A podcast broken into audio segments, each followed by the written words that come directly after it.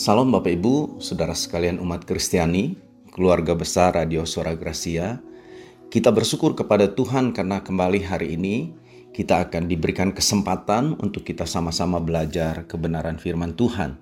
Saudara, untuk itu saya mau ajak saudara kita berdoa lebih dahulu sebelum sama-sama kita belajar firman. Mari kita berdoa, saudara.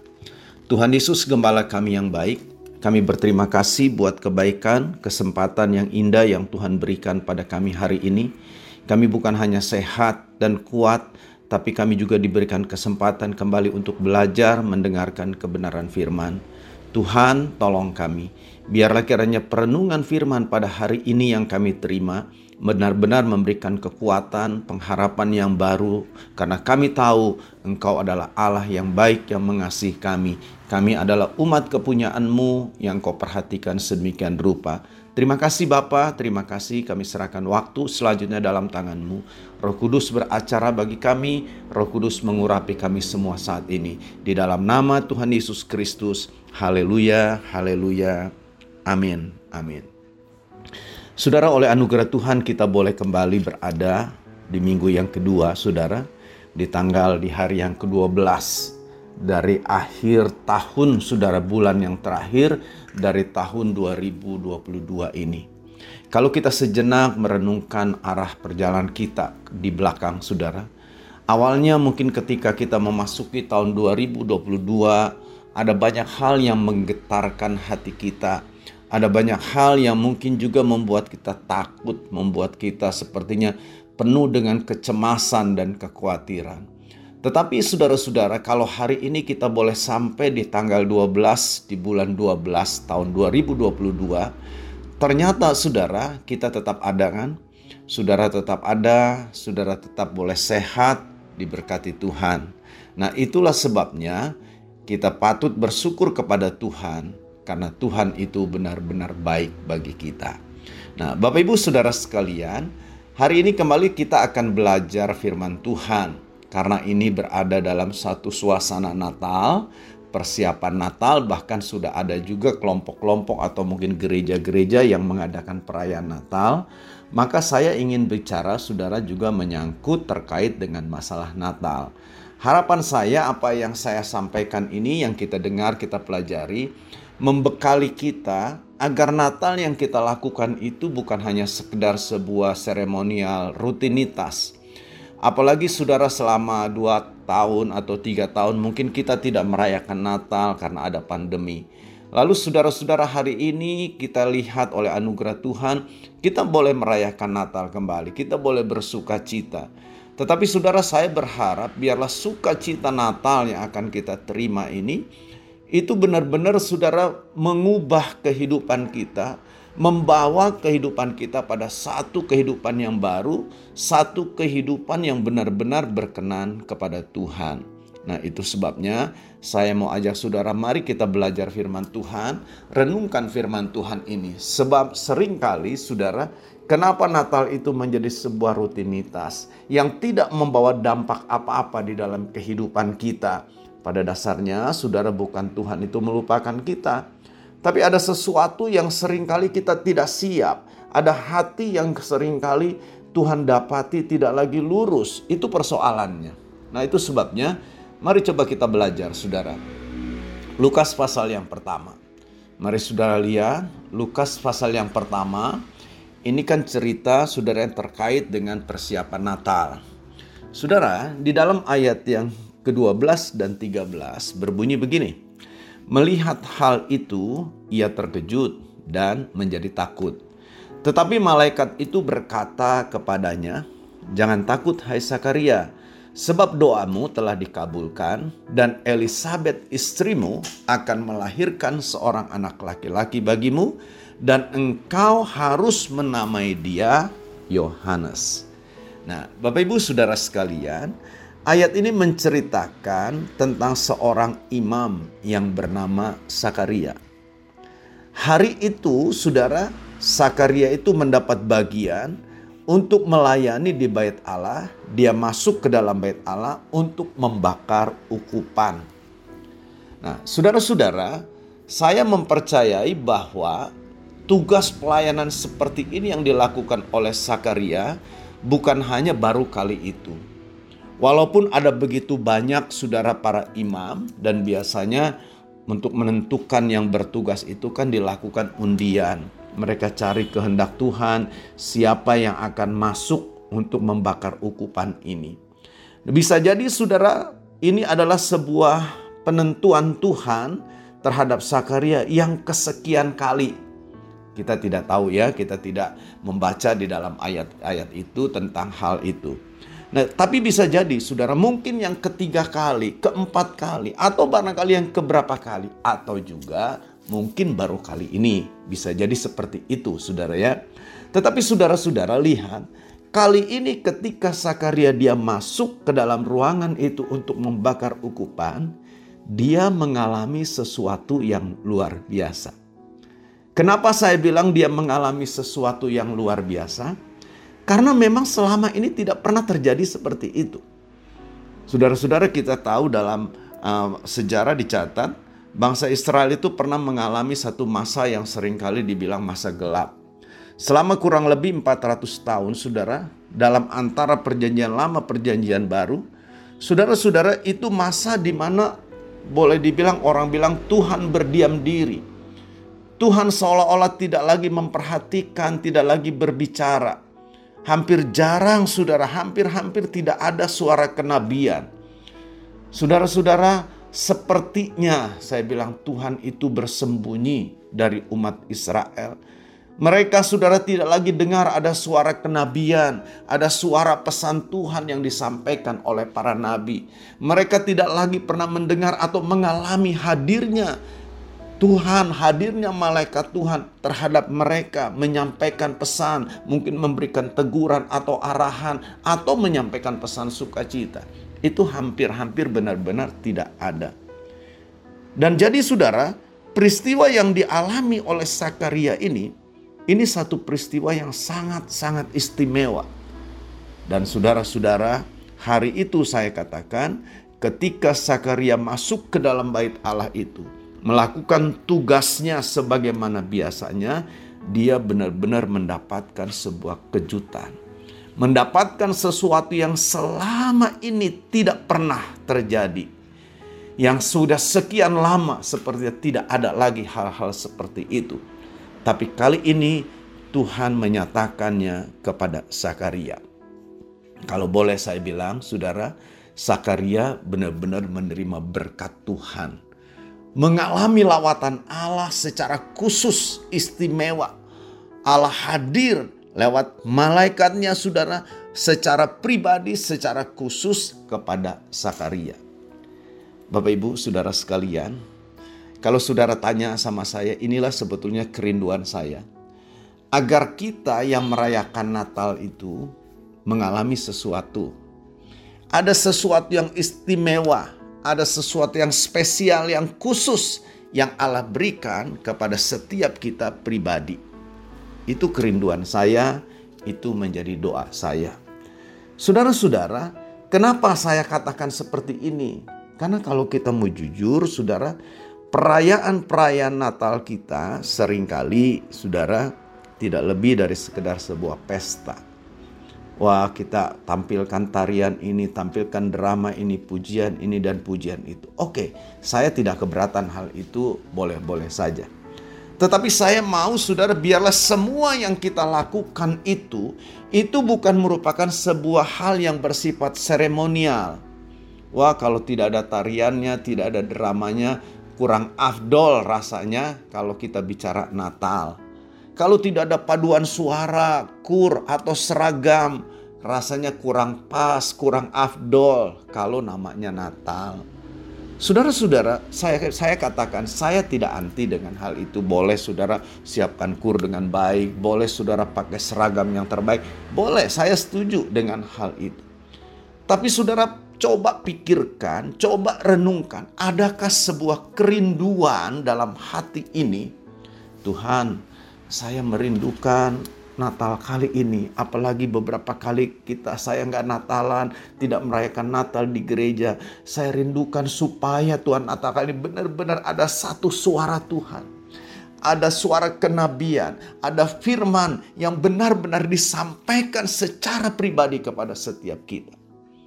Pernahkah saudara berdoa begitu? Atau saudara sudah berdoa seperti itu atau saudara pikir ah sudahlah yang penting saya Natalan lah itu bukan urusan saya. Atau saudara terlibat dalam panitia Natal kita hanya sibuk persiapkan ini persiapkan itu segala macam. Tanpa ada satu hati yang rindu akan lawatan Allah secara khusus.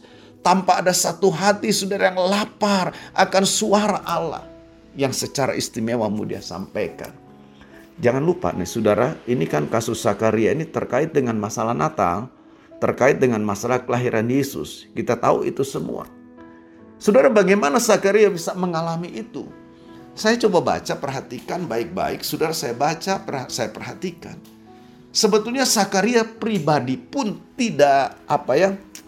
Artinya saudara tidak punya tidak berpikir akan terjadi seperti itu gitu.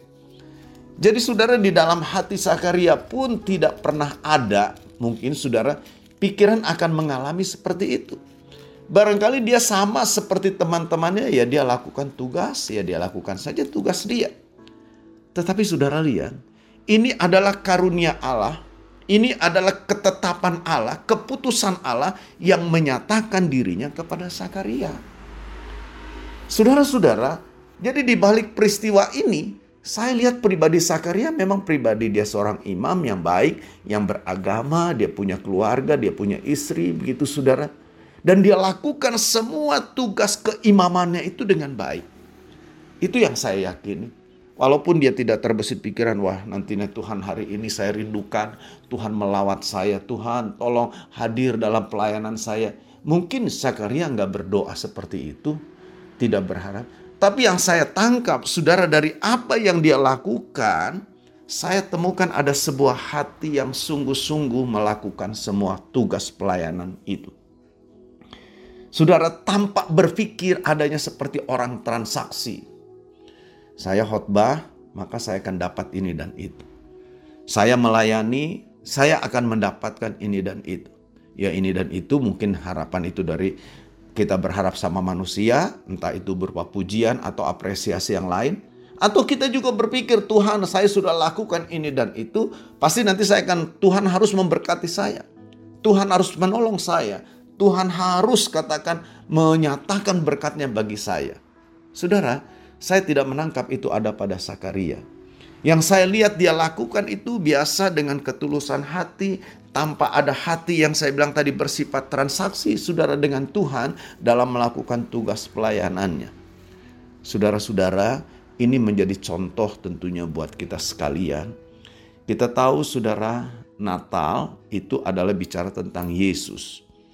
Pokok utama, pemeran utama Natal bukan para penari, bukan baju seragamnya, bukan ketua panitia dengan seksi-seksinya yang ada tapi saudara pemeran utama, pribadi utama di dalam Natal itu adalah Yesus.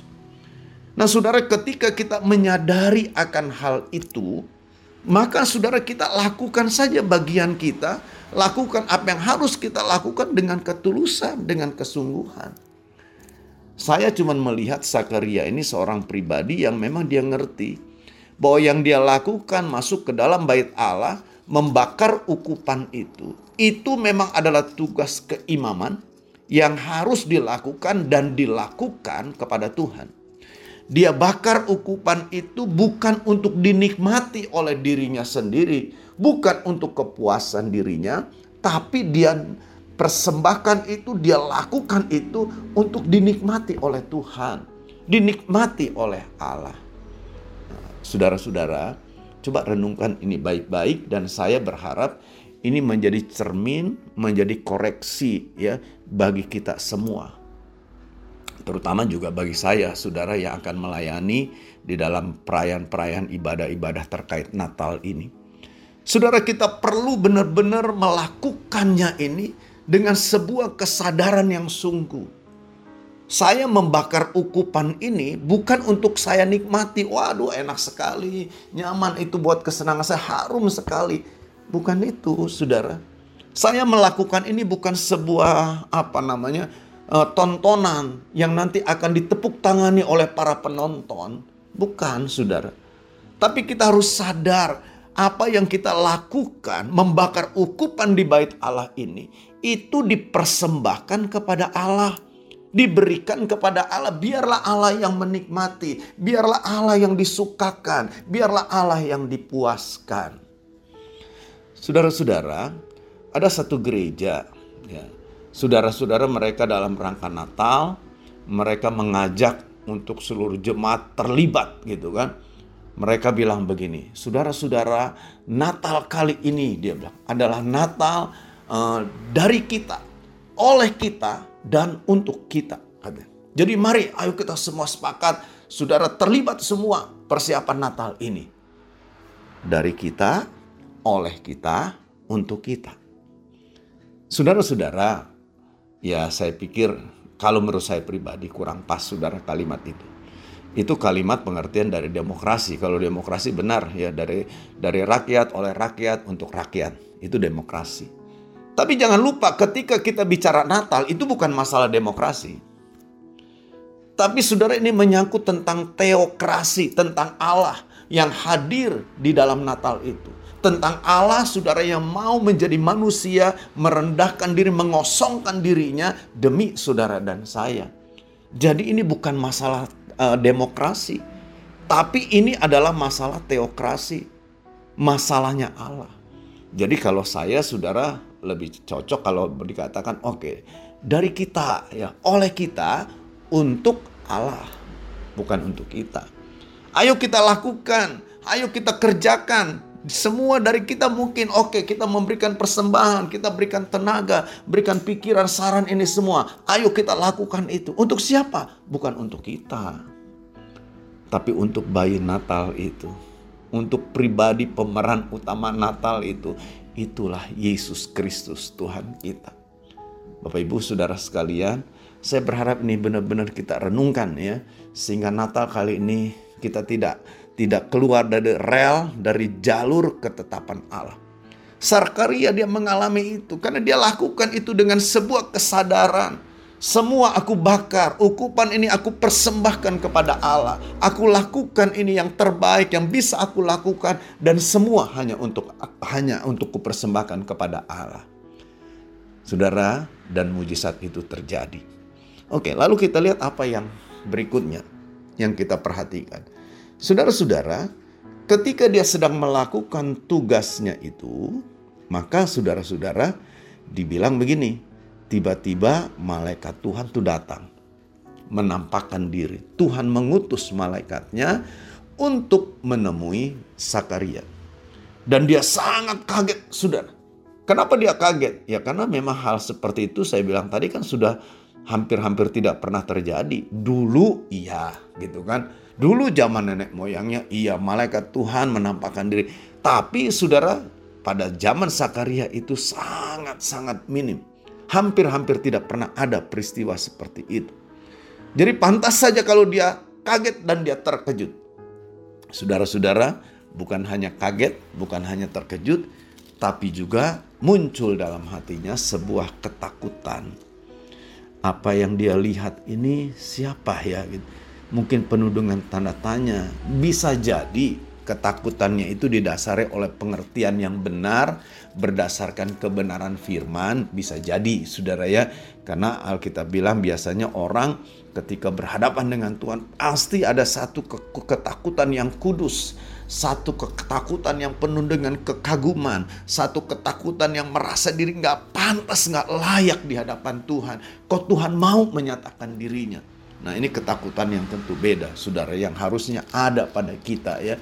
Saudara ketika Yesus menyatakan dirinya dalam Natal ini biar ada satu rasa takut yang kudus, satu rasa takut yang penuh hormat, satu rasa takut yang benar-benar saudara merasa aduh Tuhan kau luar biasa, aku nggak layak sebetulnya Tuhan, tapi engkau mau datang, engkau hadir sebagai manusia menyelamatkan aku.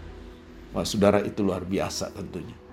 Tapi saudara-saudara, malaikat itu menegaskan kepada Sakaria, jangan takut Sakaria. Saudara-saudara, kenapa malaikat itu bilang jangan takut? Sebab saudara, ketakutan-ketakutan yang salah itu bisa menjadi penghalang, saudara, untuk Allah menyatakan sesuatu kepada dirinya. Coba saja begini, biasanya orang katakan kalau ada masalah ya, wah penuh dengan ketakutan, bingung.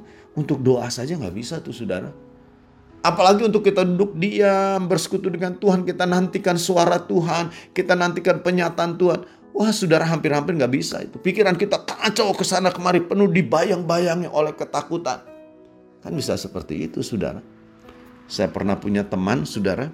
Dia ada ada satu kasus gitu. Kasus masalah penyimpangan pajak. Sudah. Dan nilainya cukup besar. Saudara lalu dia didatangi oleh orang pajak begitu. Dan dikatakan dia didenda sekian besar. Saudara-saudara kalau tidak ya akan dipidanakan gitu kan. Akan dikurung saudara. Saudara tahu ketakutannya begitu luar biasa. Nggak bisa tidur, saudara berhari-hari badannya habis. Waktu ketemu saya ngomong-ngomong, nggak bisa saya juga ngomong, saudara. Kenapa? Karena wah yang ada di pikiran itu semraut luar biasa katanya. Saudara nggak mungkin orang-orang yang seperti itu bisa menerima katakan hal-hal yang membuat dia tenang menerima firman Tuhan nggak bisa. Saudara-saudara, saya ngerti ada banyak hal yang mungkin bisa membuat kita takut dalam hidup ini. Menghadapi situasi-situasi kehidupan, menghadapi situasi-situasi yang ya membuat kita kecil hati. Saya tahu itu bisa menimbulkan kecemasan, kekhawatiran, ketakutan kita, saudara. Seorang istri, saudara yang ditinggal, meninggal, yang tinggal mati oleh suaminya. Ada dalam sebuah ketakutan. Bagaimana saya bisa melanjutkan hidup ini? dengan anak-anak yang masih kecil-kecil. Apakah mungkin saya bisa menghidupi mereka, memberi makan mereka, membiayai hidup mereka, pendidikan mereka dan sebagainya. Penuh dengan segala ketakutan. Dan saudara tidak sedikit orang akhirnya menjadi stres, menjadi depresi dan terganggu kejiwaannya. Saudara-saudara, banyak orang seperti ini. Dan ketika hal itu terjadi, sudah susah. Jadi kadang-kala ketakutan-ketakutan yang tidak kudus ini ini benar-benar menjadi sebuah penghalang untuk Allah menyatakan sesuatu dalam hidup kita. Saudara-saudara, itu sebabnya malaikat itu bilang sama Sakaria, Sakaria jangan takut. Ya. Aku datang bukan untuk menyampaikan hukuman. Aku datang bukan untuk menyatakan kamu itu nggak beres begini, marah sama kamu. Bukan. Tapi coba kamu tenang, jangan takut, dengar dulu. Gitu. Saudara-saudara, ketakutan-ketakutan yang tidak kudus, ketakutan-ketakutan yang sering kali dasarnya itu adalah ketidakpercayaan kita, kebimbangan kita terhadap Tuhan. Ini sering kali menjadi penghalang, saudara, untuk kita mengalami sesuatu dari Tuhan. Alkitab kan bilang begini, kalau orang bimbang itu dibilang seperti gelombang laut yang ombang-ambingkan oleh angin kian kemari, saudara. Dan dikatakan Alkitab orang yang seperti itu jangan mengira, jangan berharap Tuhan akan menyatakan sesuatunya. Tapi Tuhan mencari satu hati yang sungguh, yang mantap, percaya penuh kepada Tuhan. Pak, bagaimana saya bisa percaya? Keadaannya seperti ini, mata saya melihat, telinga saya dengar, itu di depan mata saya. Kita sering dengar orang ngomong begitu kan, saudara. Saya ngerti benar, saudara saya melewati masa-masa seperti itu. Aduh, secara manusia yang kita lihat, yang kita dengar, mengerikan begitu, saudara. Tapi dengar saya baik-baik, saudara. Ketika kita percaya kepada Tuhan, Tuhan itu ternyata nggak diam, dia ada di pihak kita. Saudara-saudara Yairus ketika sedang berjalan menuju ke rumahnya bersama Yesus, berkenan dengan anaknya yang sakit itu, Saudara dia dengar ada kabar dari rumah dari seorang pembantunya berkata anaknya sudah mati. Saudara itu tidak mungkin bohong gitu kan. Tidak mungkin berita ini berita hoax, saudara berita yang salah. Nggak mungkin. Saya bayangkan saya harus dia mulai bimbang, barangkali dia mulai ragu. Tuhan Yesus bilang gini, tenang saja, siapa saya harus percaya saja deh.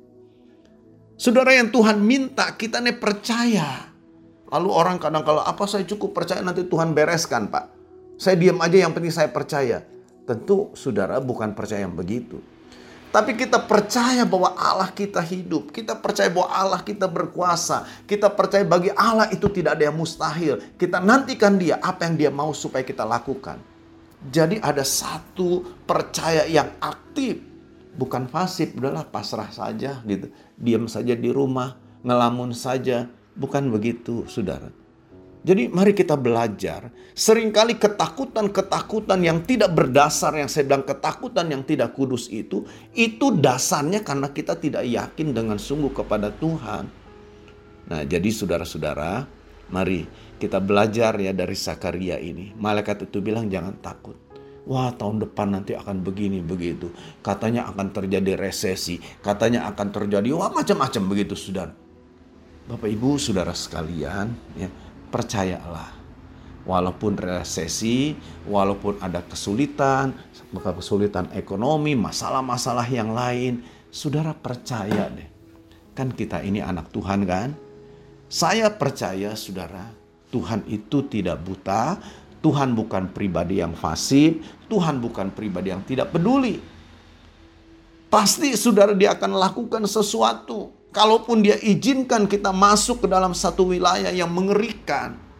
Saya percaya bukan maksud untuk menghancurkan kita.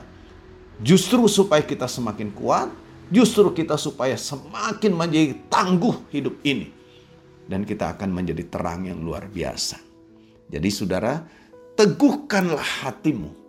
Yakinlah dengan sungguh. Ketika kita memiliki keyakinan yang teguh, yang sungguh itu. Kita akan melihat, saudara, ada sesuatu yang luar biasa yang Allah lakukan. Saudara, kemudian malaikat itu bilang begini sama Sakaria. Sakaria jangan takut. Kenapa? Karena dia bilang, doamu itu sudah dikabulkan. Wah, saudara, ini pasti satu berita yang menggembirakan. Coba saudara bayangkan, kira-kira pada waktu Sakaria dengar berita itu, malaikat itu bilang, doamu itu sudah dikabulkan. Umpama kalimatnya titik sampai di situ, saudara. Kira-kira bagaimana nih tanggapan sikap daripada Sakaria itu? Ya, apa yang saudara bayangkan? Apa kita bayangkan, wah dia langsung sorak-sorai, dia langsung nangis, terima kasih Tuhan, terima kasih engkau menjawab doaku, engkau menyatakan kuasamu. Apa seperti itu saudara? Bapak ibu saudara sekalian, kalau kita baca, kita perhatikan gitu saudara, walaupun kan begitu jelas tuh kalimat-kalimat yang diucapkan malaikat itu. Tapi saya melihat ada kebingungan di dalam pribadi Sakaria. Kenapa dia bingung, saudara? Bisa jadi begini, saudara. Dia sudah lupa tuh akan doanya. Ya. Doa minta supaya Tuhan buka rahim istrinya. Mungkin itu sudah dilupakan.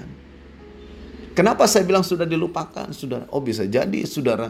Karena saat itu dia sudah lanjut umur kan? Sudah cukup umurnya, sudah cukup lanjut lah. Seperti itu, saudara. Dan orang-orang yang sudah lanjut umur seperti itu, nggak mungkin berharap lagi. Oke lah ketika dia umpama ini ya, umpama dia menikah umur 30 ya umpama. Saudara-saudara, pada waktu dia masih sampai berumur katakanlah 50 mungkin begitu ya. Saudara wah masih semangat doa berharap sama Tuhan. Walaupun sudah 20 tahun nggak ada kenyataan jawaban itu. Tapi kan sering kali akhirnya kita pikir ah, sudahlah. Barangkali inilah yang harus terjadi dalam hidup saya. Saya nggak dikarunia keturunan. Bisa jadi Sakaria sudah berpikir begitu dan menurut saya benar begitu. Dia sudah tidak ingat lagi apa yang pernah dia doakan, terutama menyangkut tentang anak ini. Apalagi kan kondisi saat itu dia bilang saudara dia itu sudah tua, istrinya juga sudah lanjut usia. Jadi nggak mungkin sepertinya gitu kan. Ayat 18 juga dia bilang kan sebab aku sudah tua, istriku sudah lanjut umurnya. Saudara bisa bayangkan kalimat itu kira-kira umur berapa tuh Sakaria, kondisi istrinya sudah seperti apa. Nah saudara jadi saya simpulkan bahwa Sakaria barangkali sudah melupakan doanya itu. Itu sebabnya kalau malaikat itu hanya bilang Sakaria doamu itu sudah dikabulkan. Mungkin dia bingung atau dia berpikir oh doa yang kemarin tuh aku berdoa supaya apa namanya si A itu ditolong. Oh aku berdoa karena aku sedang ada masalah nih dengan Elizabeth. Oh aku berdoa supaya kambing dombaku itu yang tadinya melahirkannya hanya seekor dua ekor jadi bisa lebih banyak. Barangkali itu yang dia tangkap. Tapi kita lihat Tuhan itu memberikan penjelasan secara rinci. Saudara ingat gini, Tuhan gak pernah membuat kita bingung, saudara. Tuhan gak pernah membuat kita menjadi bingung bertanya, kenapa ya begini, kok begini? Enggak, saudara. Tapi dia selalu menyatakan dengan jelas sehingga kita bisa mengerti. Persoalannya ketika kita bingung itu sering kali karena kita sok tahu gitu saudara. Kadangkala pribadi kita sendiri yang membuat itu semua menjadi bingung. Sebetulnya kalau kita mau duduk tenang, baca firman Tuhan baik-baik, kita akan mengerti saudara apa yang Tuhan lakukan itu. Dan jelas di sini dibilang, malaikat itu memberitahukan dengan rinci. Dijelaskan apa yang dimaksud dengan dikabulkan doanya itu doa yang mana. Mungkin kalau boleh saya tambahkan ayat ini, saudara, malaikat itu bilang begini, kamu ingat nggak Dulu pada waktu kamu menikah, kamu ingin punya anak kan? Setahun nggak punya, dua tahun nggak punya, tapi masih kamu berdoa kan? Kamu doa gandengan tangan dengan istrimu berseru kepada Tuhan. Tuhan berikan kami keturunan, Tuhan berikan kami keturunan. Nah sampai usia pernikahan kamu sekian tahun, itu masih kamu doakan kan? Menjadi salah satu pokok doa. Saudara, ini bahasa saya saja saudara ya. Nggak dituliskan dalam ayat-ayat itu. Tapi bisa jadi malaikat itu mengingatkan itu. Dan dijelaskan, sekarang itu doamu tuh yang yang kamu minta dulu itu dikabulkan. Yang kamu sudah lupakan permintaan itu sekarang dijawab sama Tuhan. Wah luar biasa saudara. Ternyata doa-doa kita itu tidak pernah diabaikan, tidak pernah dihapus, tidak pernah dibuang begitu saja oleh Tuhan. Ada saatnya, ada waktunya Tuhan nyatakan itu sudah. Nah, Bapak Ibu Saudara sekalian, jadi lihat benar yang pemazmur bilang. Setiap tetesan air mata kita ditampung dalam kirbatnya. Wah luar biasa ini pengharapan buat kita.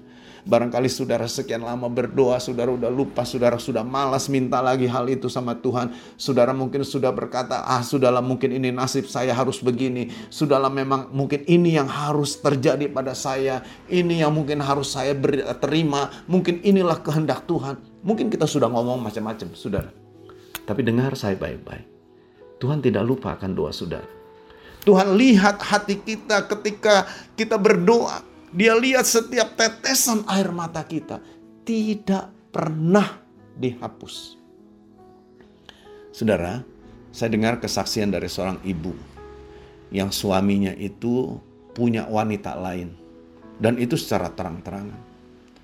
Saudara ibu ini berdoa. Ya kalau ngomong ribut ah, itu sudah nggak kehitung lah begitu saudara karena kasus ini dengan suami akhirnya dia secara pribadi udah nggak bisa ngomong. Artinya kalau ngomong pasti berantem ribut dan macam-macam. Bahkan dia nanti merasa tertuduh. Yang dia bisa lakukan dia nangis di kaki Tuhan. Dia berdoa. Setiap hari dia doakan suaminya.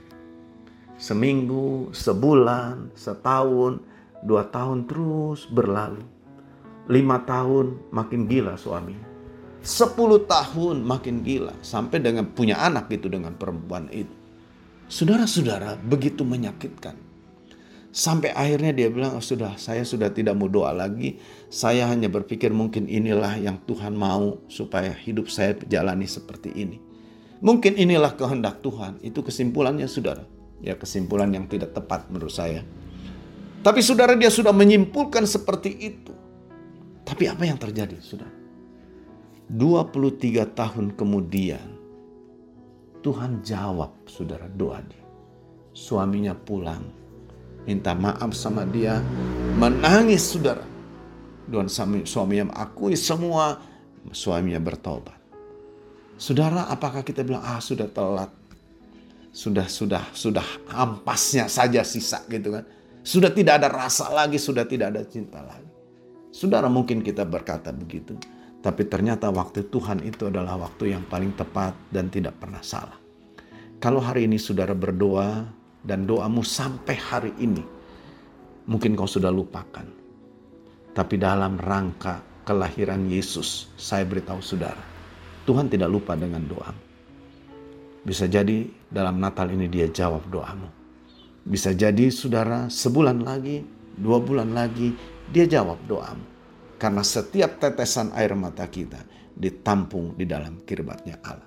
Ini yang terjadi saudara kepada Sakaria. Dijelaskan istrimu itu dia akan mengandung. Dia akan melahirkan seorang anak laki-laki dan beri nama dia Yohanes. Diceritakan bagaimana anak ini, bagaimana apa yang akan terjadi dengan anak ini. Secara jelas diceritakan. Saudara-saudara, Dan saya melihat ternyata Allah yang kita sembah itu Allah yang luar biasa. Jadi saya berdoa, saya berharap biarlah setiap kita nih saudara dalam Natal kali ini mengalami sesuatu, mendapatkan sesuatu. Membangkitkan kembali harapan kita. Harapan-harapan yang mungkin sudah pupus, kita sudah anggap sudah tidak ada apa sudah lewat semua. Kita anggap sudah ah, nggak didengar, nggak dijawab lagi. Saudara-saudara, tapi hari ini firman Tuhan berkata sama kita, doamu dijawab oleh Tuhan. Apa yang pernah kau sampaikan kepada Tuhan, apa yang menjadi tangisanmu kepada Tuhan, Tuhan akan jawab, Tuhan nyatakan kepada. Jadi saya berharap mari kita berdiri teguh. Mari kita tetap berpaut kepada Tuhan.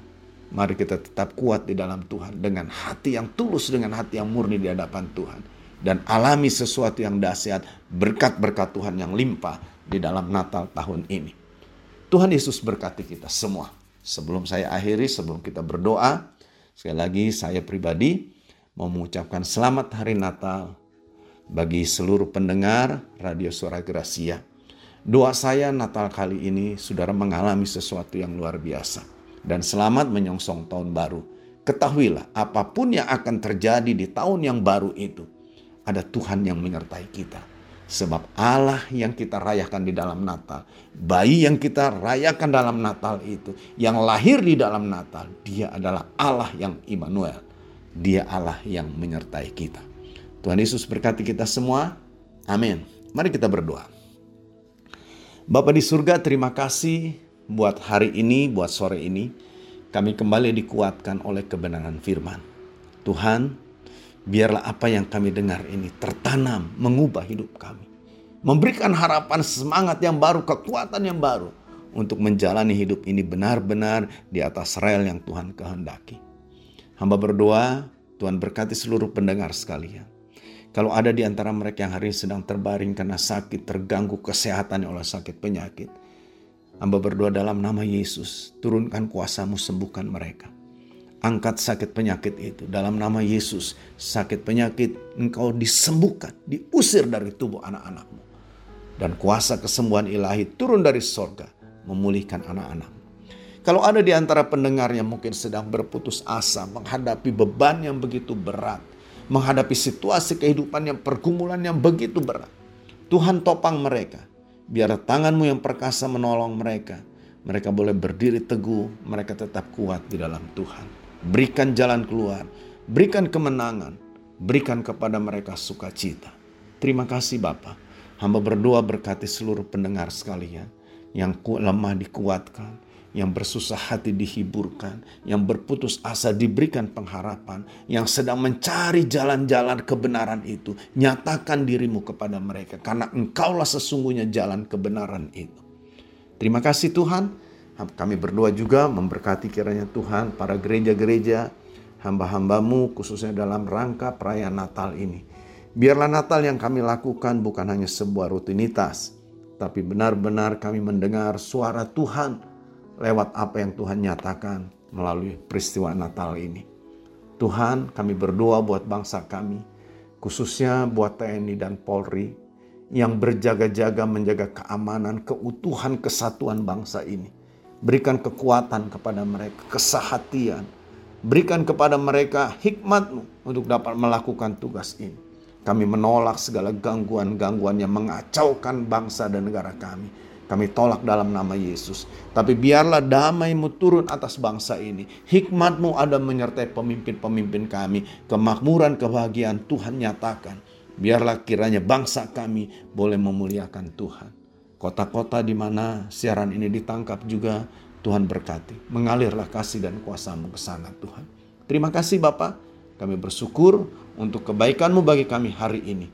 Kami kembalikan segala hormat, segala pujian hanya bagi Tuhan, sebab Engkaulah yang layak dipuji dan ditinggikan. Di dalam nama Tuhan Yesus Kristus, haleluya, haleluya, amin, amin.